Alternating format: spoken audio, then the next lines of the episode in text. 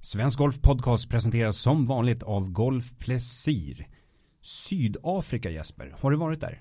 Eh, Ja, det har jag.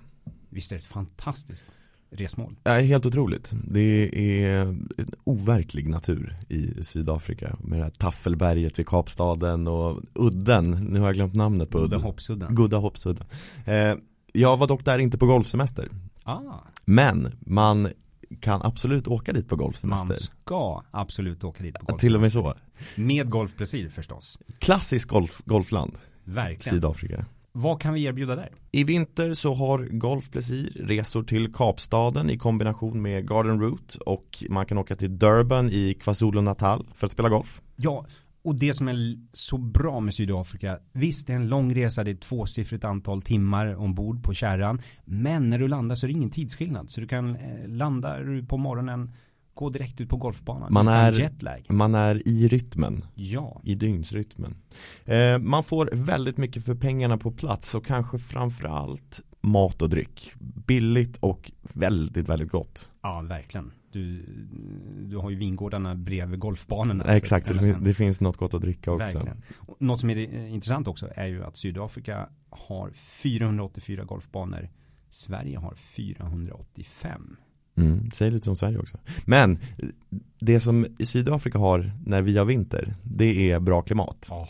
Så passa på att åka dit i vinter. Men om man vill göra det med golfplesir, då gäller det att ligga lite, hänga lite på låset. För att det finns bara ett begränsat, begränsat antal avgångar. Ja men precis. Och när du väl har bokat en biljett och köpt resan, när du checkar in och sätter dig i fåtöljen på flyget, då lyssnar du på Golfresepoddens avsnitt om Garden Route eller Rovers Rail och laddar upp ordentligt inför resan. Gå in och boka en biljett på golfplesir.se.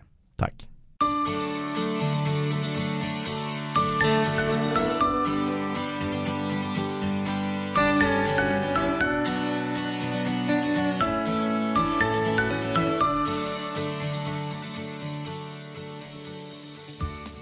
Hej och välkommen till Svensk Golf Podcast. Jag heter Carl Magnus Hellsten och vid min sida finns min kollega. Jesper Johansson. Idag har vi lämnat poddstudion och åkt till Bålsta utanför Stockholm. Vi befinner oss på Åbergs museum och ska prata med världen själv. Han som gav oss den klassiska filmen Den ofrivillige golfaren. Välkommen till Svensk Golf Podcast, Lasse Åberg. Tack så mycket. Hur mår du? Jag mår alldeles utmärkt. Jag har eh, inte pensionerat mig och börjat mata fåglarna än. Så att, eh, det är en mycket kul jobb på gång. Tänk, eh, tänk Bananbandet pension? lever fortfarande och, Ja, det. och eh, jag tecknar fortfarande utställningar och så där, så att, Kommer du gå i pension? nej, Jag har inget att gå i pension från känns det som. Så att jag har aldrig haft, det. Sista gången jag var fast anställd var 1958. Så, Oj, jäklar. Vad var det för jobb? på ett boklager var där jag fick min eh, fjäderlätta bildning. Inget brödrostlager alltså? Nej, men eh, något liknande var det faktiskt. Det var gråa rockar och, och hårt arbetsschema. Ja, du ser. Vilken härlig tillvaro det verkar. Att inte behöva gå i pension från något. utan- Diversarbetare. Ja, Ja, men nej, precis. men jag, jag, det är så med kreativa yrken att man blir aldrig färdig. Man känns, om man ska vara lite kokett, ungefär som man har kommit igång precis. Det, det, det är så. Och det är skönt. Ja, det måste vara skönare rent tvärtom att känna att man är klar liksom.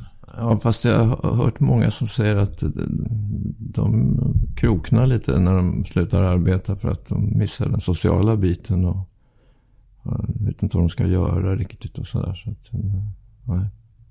Ja, det är olika. Mm. Ehm, vi kommer ju komma in på filmen, Den ofrivillige golfaren. Men vi börjar med ditt eget spel eh, först. När började du spela golf? Det var väl i samband med inspelningarna på Ekerum så gick vi ut eh, på kvällarna där och hackade på den banan för att spänna av lite. Och eh,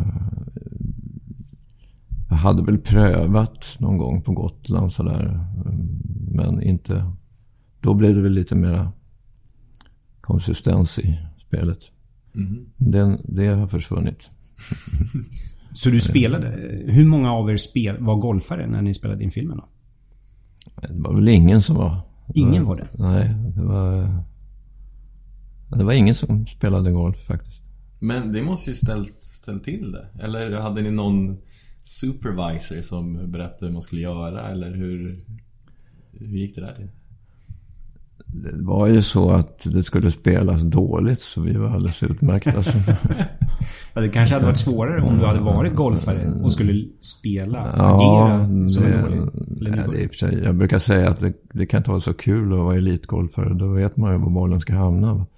Det, det är roligare att vara, det är mer spännande att vara amatör. får man se mer. Ja, få se mer av naturen också. Så man kan säga att det var mer press på Mats Bergman då som spelade din motståndare i filmen, eller Stig-Helmers motståndare i filmen, finansmannen Brunar Anderhage. Han var ju ordförande i klubben. Han skulle ju vara jo, duktig då. nej, ja, men eh, det syns ju naturligtvis att han inte är någon vidare golfare i filmen, men det gör ingenting tycker jag. Nej. Men hur, eh, hur mycket golf spelar du idag?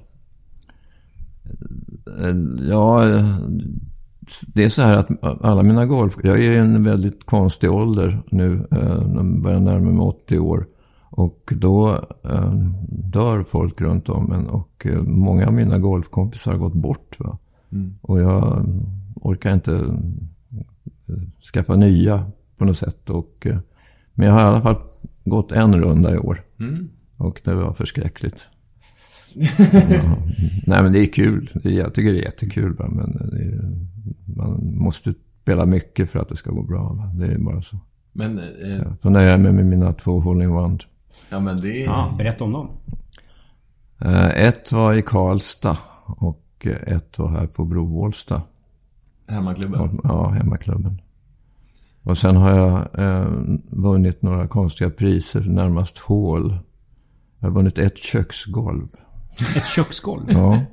Och så har jag vunnit en gitarr signerad av Zack Wilde. Ozzy Osbournes gitarrist. Berätta, när vann du köksgolvet och när vann du gitarren? Vad var det för tävling? Gitarren var en tävling på Fågelbro. Okej. Det är... Och köksgolvet var, var faktiskt på Öland. Ja. Vi antar att du inte behövde släppa med dig hem från golfklubben utan det blev hemkört. Nej, jag hade det innestående gudskelov. Att jag- Utnyttjar du det någon gång? Ja, det var, sonen fick det. Ja, men Ja, det perfekt. Ja, Bra. Men eh, tyckte du golf var roligt direkt när du började spela eller är det en kärlek som har växt med tiden? Kärlek och kärlek, man kallar det för hatkärlek. Eh, det är frustrerande spel. Man, man, man förstår inte varför man inte lyckas hela tiden. Eh, Men det är väl det som är tjusningen med det också. Eh, Jag hade ju spelat lite innan vi gjorde filmen, men som sagt var, vi använde golfen som en slags terapi då. När vi ändå bodde på Ekerum. Ja, ska, ska vi gå in på um, filmen? Eh, det var ju premiär 1991.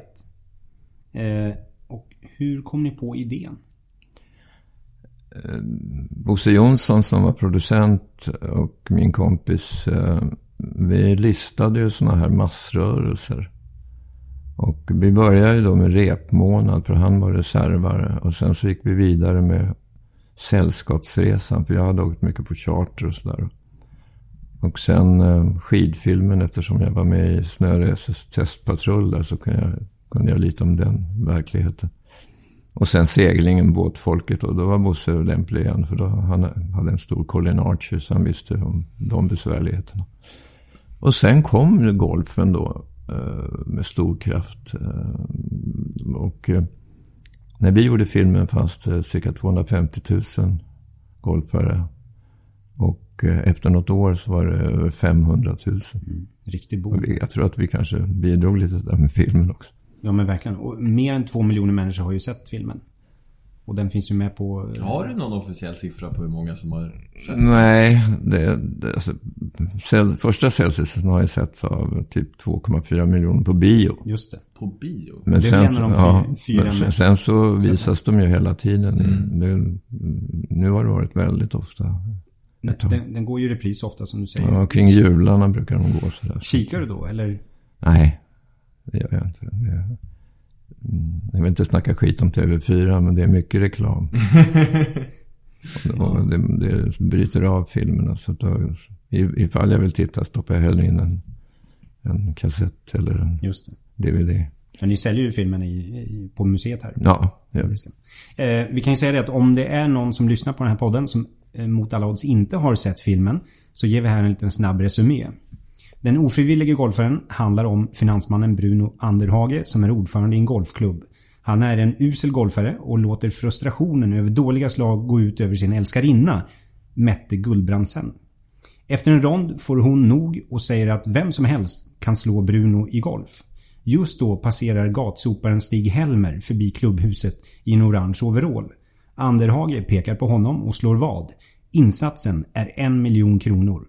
Anderhage har den summan på kontot medan galleriägaren Gullbrandsen tvingas sätta sin Picasso-tavla i säkerhet. Stig-Helmer går hem till sin mor och plockar fram morbror Julles gamla golfklubbor och tweedkostym och beger sig sedan till Skottland för att lära sig spela golf av British Open-vinnaren Roderick McDougall.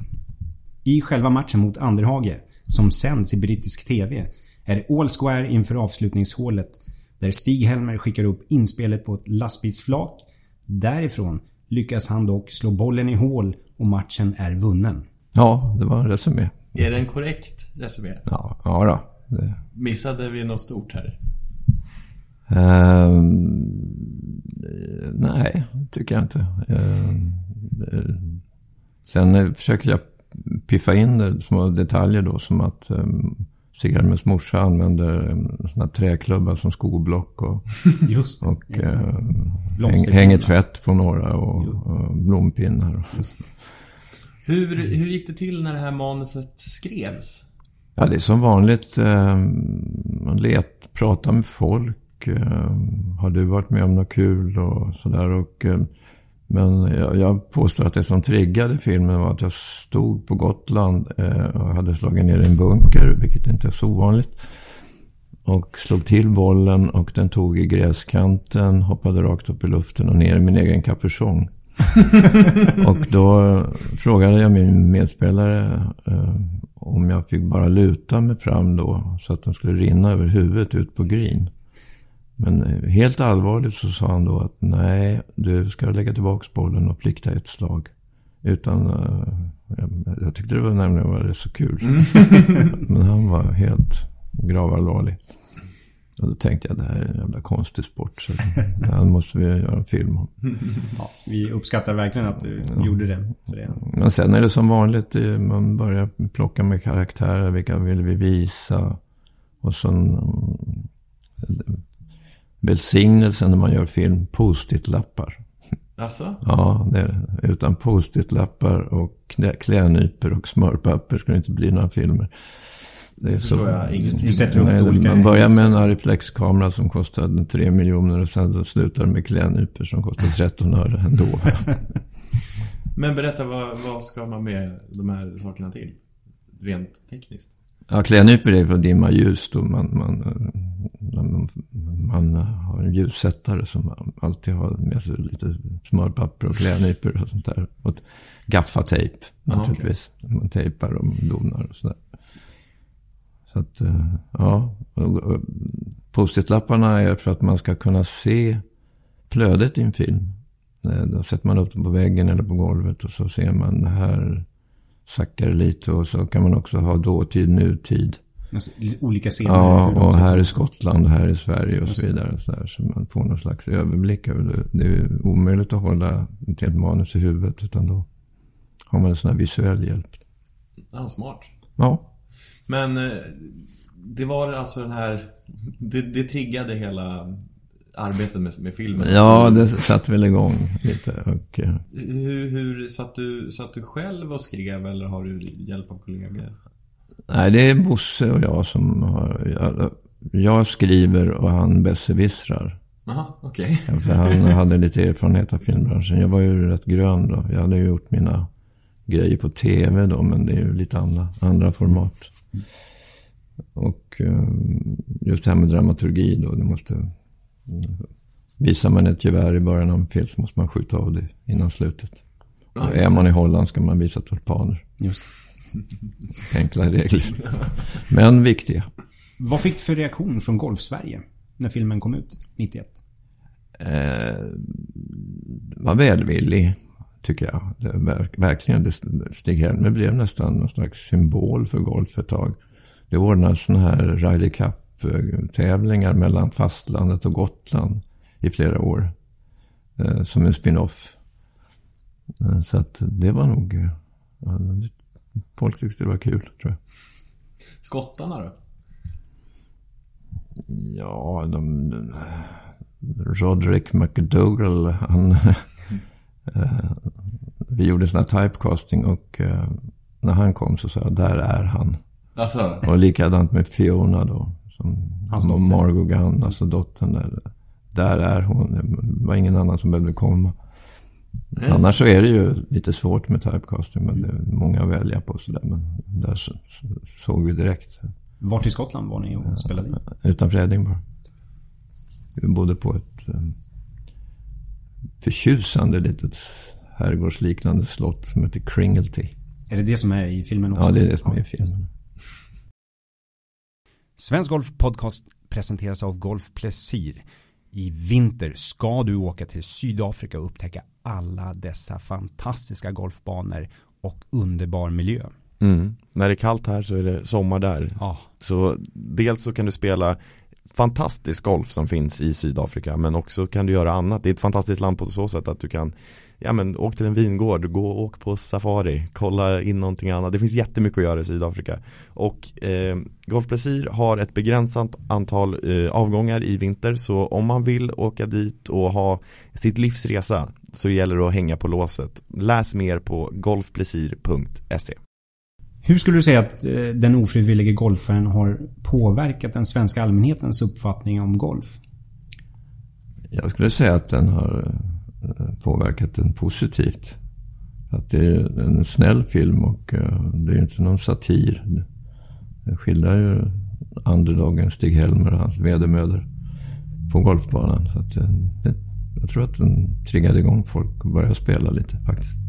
Och de som inte började spela golf, eh, tror att deras fördomar om golfen förstärktes i och med filmen? Mm, Ja, det kan man tänka sig.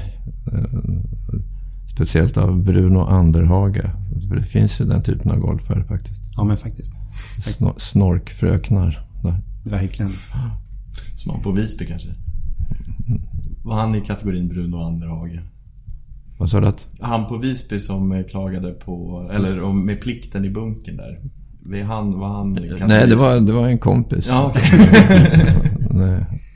Ja, men då... Det var en kille som hade pratat skit om golf i massor av år. Eh, överhuvudtaget om sport. Och sen så började han spela golf och omedelbart skaffade han rutiga byxor och löjliga dojor med tofsar och blev helt besatt. Från att ha varit en sporthatare blev han en sån där aficionado och det var en väldigt märklig utveckling. Jag förstår det. Ja. Eh, filmen utspelar sig i Stockholmstrakten men ni spelade in på olika banor, bland annat på Ekrum på Öland. Hur, hur kommer det sig?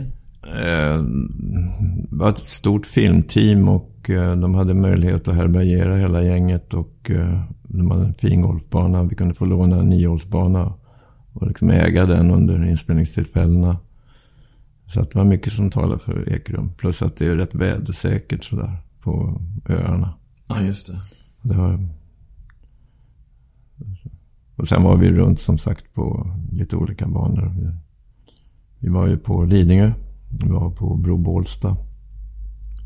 Jaha. Tog några scener. Vad var det ni spelade in på Bro Bålsta, hemmaklubben? Ja, det var bland annat den här scenen när Anna-Lisa Eriksson slår ett slag och så skriker hon “Se upp!” Och då blir Ingvar Kjellson sur på henne och säger “Du vet ju att det heter får”. Och på Lidingö, vad, hände ni där? Ja, där eh, bland annat då så Stig-Helmer och, och hans kompis är ju här gatsopare så och de vet att de är på en golfbana så ser de en snubbe, länsantikvarien som går med metalldetektor. Och då säger Hallenberg till Stig-Helmer, du, det där var en jävligt konstig golfklubba. Har du sett?" Bland annat. Just det. Men klubbhusområdet, klubbhuset är ju i Ekerum då. Ja, det är det. Och hur, hur lång tid tog det att göra filmen? Fem veckor mm, får det ta. Ehm, Är det någonting för alla filmer du har gjort egentligen, eller? Ja, det, det, det är väldigt dyrt med filminspelning så att det, det finns ju en del regissörer som håller på hur länge som helst men vi försökte hålla budgeten. Hur, hur ser en sån arbetsdag ut? En av de där? Eh, tidig purrning och genomgång av scenerna och eh, sen eh, finns det ju olika typer av regissörer men jag vill ju eh, se miljön. Jag, jag, ritar inte upp diagram om kameran ska stå och sånt där utan, utan vi, vi kör lite mer från höften sådär. Och eh, det, det är klassiskt. Jag försöker inte göra konstnärlig film. Eh, Billy Wilder sa ju det att Eh, ibland så ber jag fotografen eh, vinkla kameran lite så att det blir snett så att vi kan få något internationellt filmpris. det är ju rätt rakt berättande i filmerna. Det är det Det är mm. inga konstigheter. Det är ju nästan svårt att greppa att det har gått eh, hela 28 år sedan premiären av Den ofrivillige golfaren. Sett, hur, sett till hur golfen skildrar sig i filmen, vad tycker du stämmer in bra och mindre bra jämfört med hur det är idag? Eh, ja, golfen är rätt statisk tycker jag. Den har väl sett ut så där sedan de började spela på 1890-talet. Det är, det är lite materialutveckling men annars så är det väl, den är som den är på något sätt. Och det är ju samma med skidåkningen och charterresorna. Det, det händer inte så mycket i branschen. Är det, är det någonting som gör att filmerna fortfarande håller så bra, tror du? Att det, man fortfarande kan känna igen sig än idag liksom? Ja, jag får ju höra såna här rapporter om att folk leker filmerna när de åker ner till Kanarieöarna. Och, och, och, det är alltid någon som ska hålla på med juice-knappen ja, och någon som blir packad och alltid någon som är clown i gruppen och så vidare. Så att eh, de har nog haft en viss impact på charterresandet, det tror jag. Om du fick göra en, en, en ny version av den ofrivilliga golfaren, är det något specifikt som du skulle vilja ändra då eller göra om till en ny version? Nej, jag tror inte det. Alltså, nu, nu kommer jag inte att göra det, men... Uh, uh, nej. Nu har jag visserligen inte umgått så mycket med, med unga golfare på ett tag, men eh, det får nog bli, bli den här jag har ingen längtan att göra en sequel. Eh, vi träffades ju och gjorde en intervju med Svensk Golf 2011 och då sa du att eh, tyvärr finns de där dryga typerna fortfarande kvar på golfbanorna. Som du ville skildra i filmen bland annat. Och att, eh, tycker du det än idag? Ser du de här karaktärerna ute på banorna fortfarande? Nej. Allt mindre och mindre skulle jag säga. Det blev ju verkligen en folksport då strax efter filmen. Det var otroligt uppsving för golfen och det betyder ju att det kom in, eh, om jag nu får citera citat, citat, normala människor i sporten. eh, och det betyder ju också att det, det blir en helt annan anda i, i golfkretsar. Mm. Det är ju citat, normala citat, slutcitat i filmen också. De här tre som får en utskällning för sin klädsel. Ja, jo, sådana ser man ju ibland nu också på golfbanorna. Det är inga, inga åthävor när det gäller golfmodet hos vissa. Du själv, hur, hur klär du dig på golfbanan? Inte med golfkläder kan jag säga. Nej. Inga pikétröjor och sånt där. Utan... Tweedkostym? Ja, skidor, där, där är jag mer noga med klädseln för att inte få in snö i brallorna. Men mm, nej, jag klär mig sportigt, kan man säga. Funktionellt? Funktionellt, ja. Julles tweedkostym? Julles tweedkostym, alldeles underbara tweedkostym, den var, lånade jag utav Kai Malmros. Det var hans morfars gamla kostym. Och eh, Tyvärr så har vi den inte på vårt lilla museum här i, i Stig-Helmer-rummet. Hur, hur var den att svinga i? Den var varm. Det var en väldigt varm sommar och jag stod i den där golfroboten med den där tweedkostymen och det var 32 grader varmt. Så jag var rätt så varm. Jag förstår. Eh, vi sitter här i ditt museum, eller i en lokal vid ditt mm. museum. Eh, hur många tavlor har du skapat genom åren, tror du? Ja, jag har gjort över 400 litografiska upplagor faktiskt. Åh oh, jäklar. Ja. Ehm, skulle du våga slå vad om en tavla i en golfmatch? Som Mette gör. Nej, nu- jag slår inte vad i golfmatcher längre. Längre, du kan lika gärna lämna tavlan direkt. Och Ja, okej. Eh, Och inte en Picasso? Nej, det där var faktiskt ett, ett eh, print som jag... Som är, det är våran bild. Så den är inte alls värd en miljon kan jag säga. Det var en typ eh, poster. Golfen löper ju faktiskt som en röd tråd i, i många av dina filmer. Det börjar med en scen i repmånad där militärerna smäller upp sitt stora tält på en green och i, i Tvetaberg. Ja, i Tvetaberg. Just det.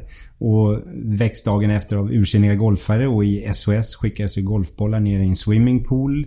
Och i Sällskapsresan förstås eh, slänger ju fastighetsmäklaren Gösta Angerud, Angerud av ren ilska ner sin bag i ett vattenhinder. Sen Det var- springer han iväg till golfbanan, eller till bilen för att åka hem. Vandringshistoria som tillskrevs Tumba. Just Det det. här med golfbagen. Det är han som har... Han blev skitarg och eh, slängde ner bagen i ett vattenhål och går till bilen och aj då, nyc- bilnycklarna ligger i golfbagen. Så att han är tvungen att gå ut i vattenhålet, ta upp golfbagen, ta ur nycklarna och gå tillbaks. Men, men han slängde tillbaks bagen. Det är sån underbar, det är den mest klassiska golfscenen. Ja. Eh, Pratar du med Tumba om det där? Eh, ja, jag tror jag gjorde det. Eh, Bekräftande, eller? eh,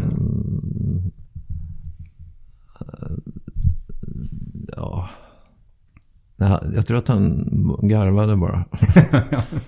Det låter Kanske tyckte det var kul att det var tillskrevs honom. Ja, men precis. Men, men var det ett medvetet val att ha med lite golfscener här och där i, i filmerna?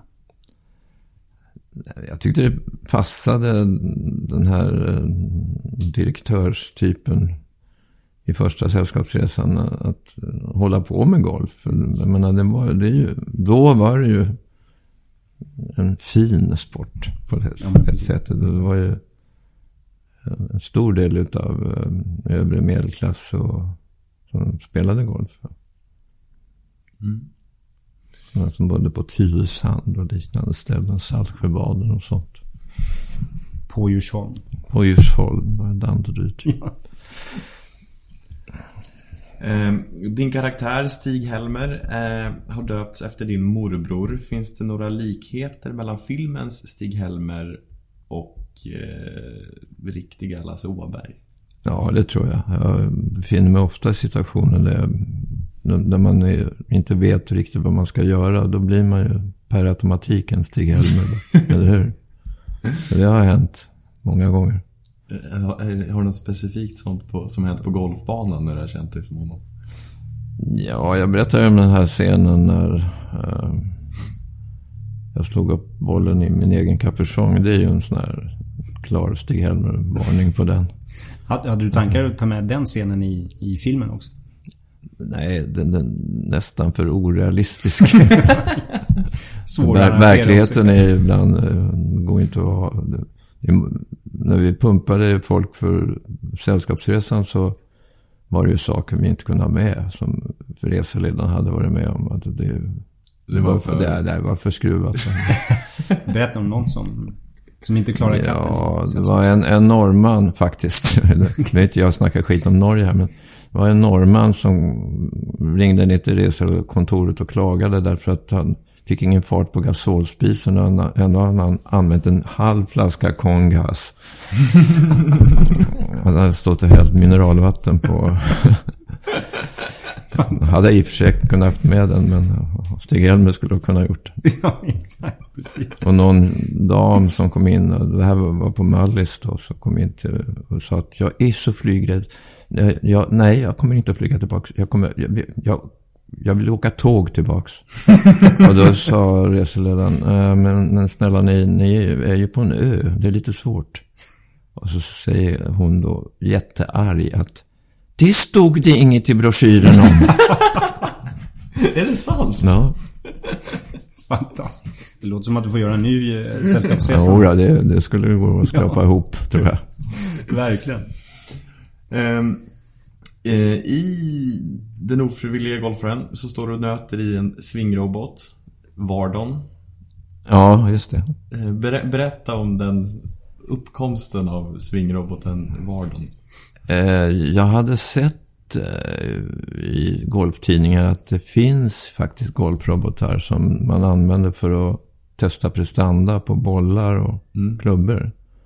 Eh, och tänkte det här, det borde ju gå att hitta på en för människor också. Så att jag ritade den här maskinen och sen så var det en kille som heter Pelka Hansson som byggde den. Och eh, det är många som frågar, eh, vad fick ni tag på den där och funkar den? Hur sätter man igång den och sådär. Vad svarar du då? Nej, det var jag som drev den. Det var jag som stod där. Och hur var det att svinga i den då? Ja, det är ett korrekt svingplan. Att det förbättrade säkert min golf lite när jag stod och vevade med den där. Ja, vad, vad är det, vad är det McDougall säger? Hur länge ska du stå i den där för att, är det 10 000 svingar eller vad är det? Ja, det är väl ungefär det för att få ner det i ryggmärgen. Ja, just det. Och så stod du i 32 graders värme och skulle spela Med tweedkostym. och varm yllekeps. Ja, fattar. Och svingroboten finns ju här på Ja, museet. vi ska gå och beundra den snart. Får ni titta på den. Så är ni nyfikna på svingroboten, sväng förbi här och kika.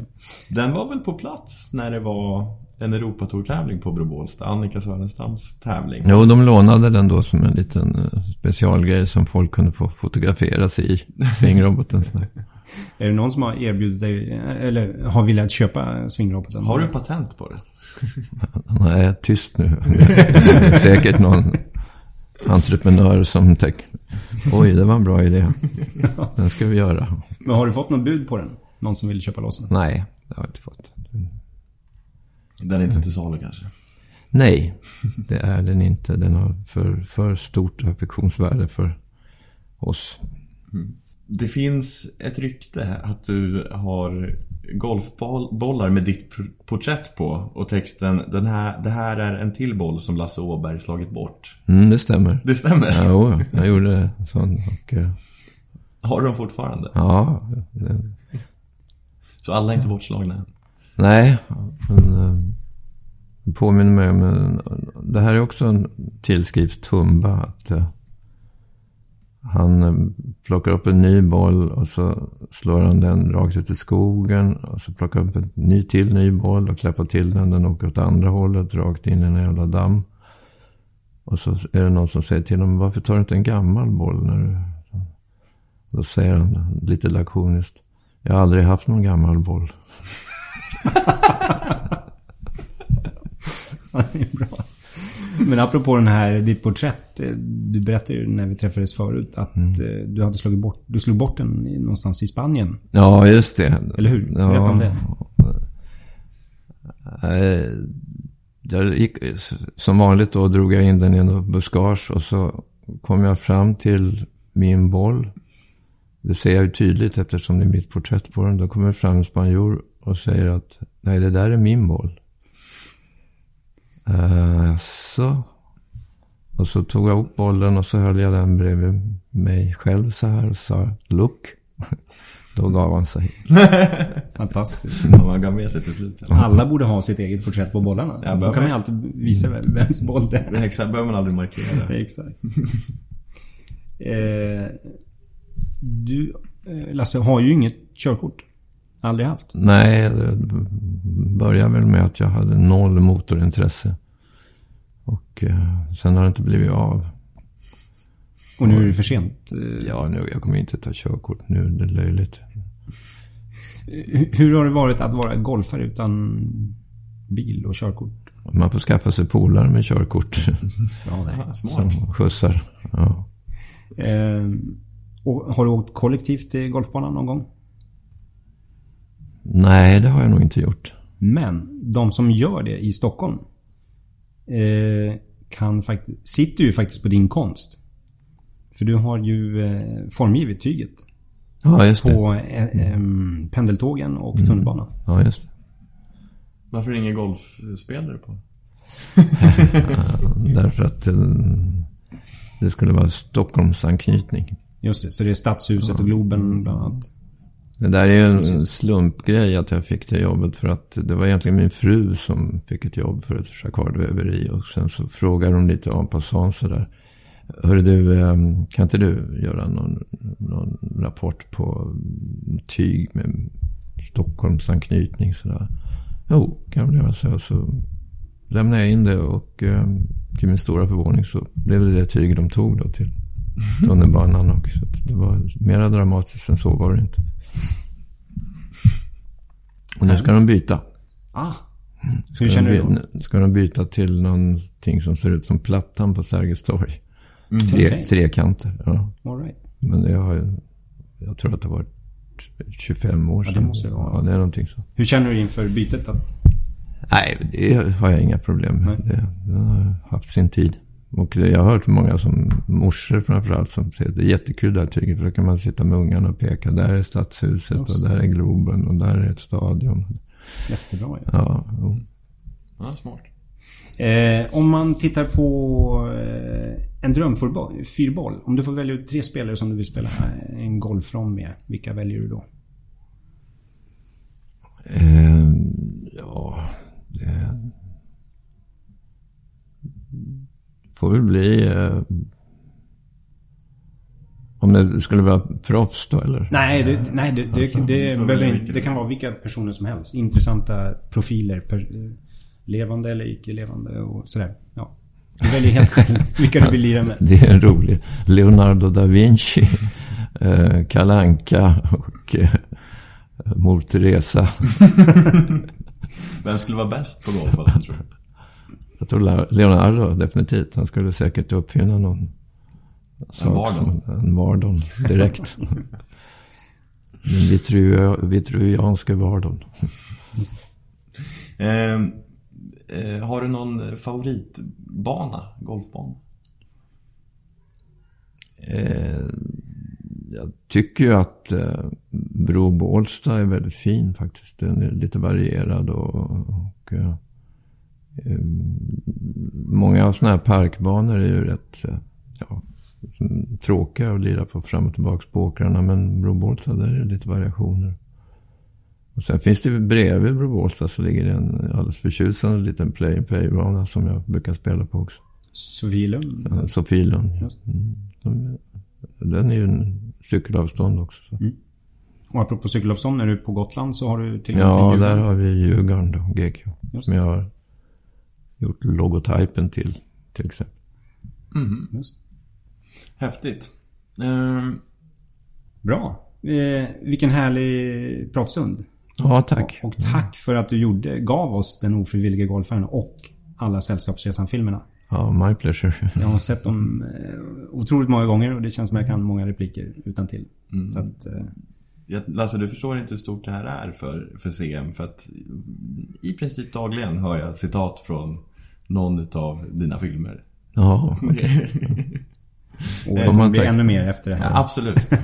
Jag kan avsluta med en förtjusande li- liten anekdot. Jag var nere på bokmässan och så kom det fram en liten ljuv elva, en tjej på, kan hon ha varit, 9-10 år.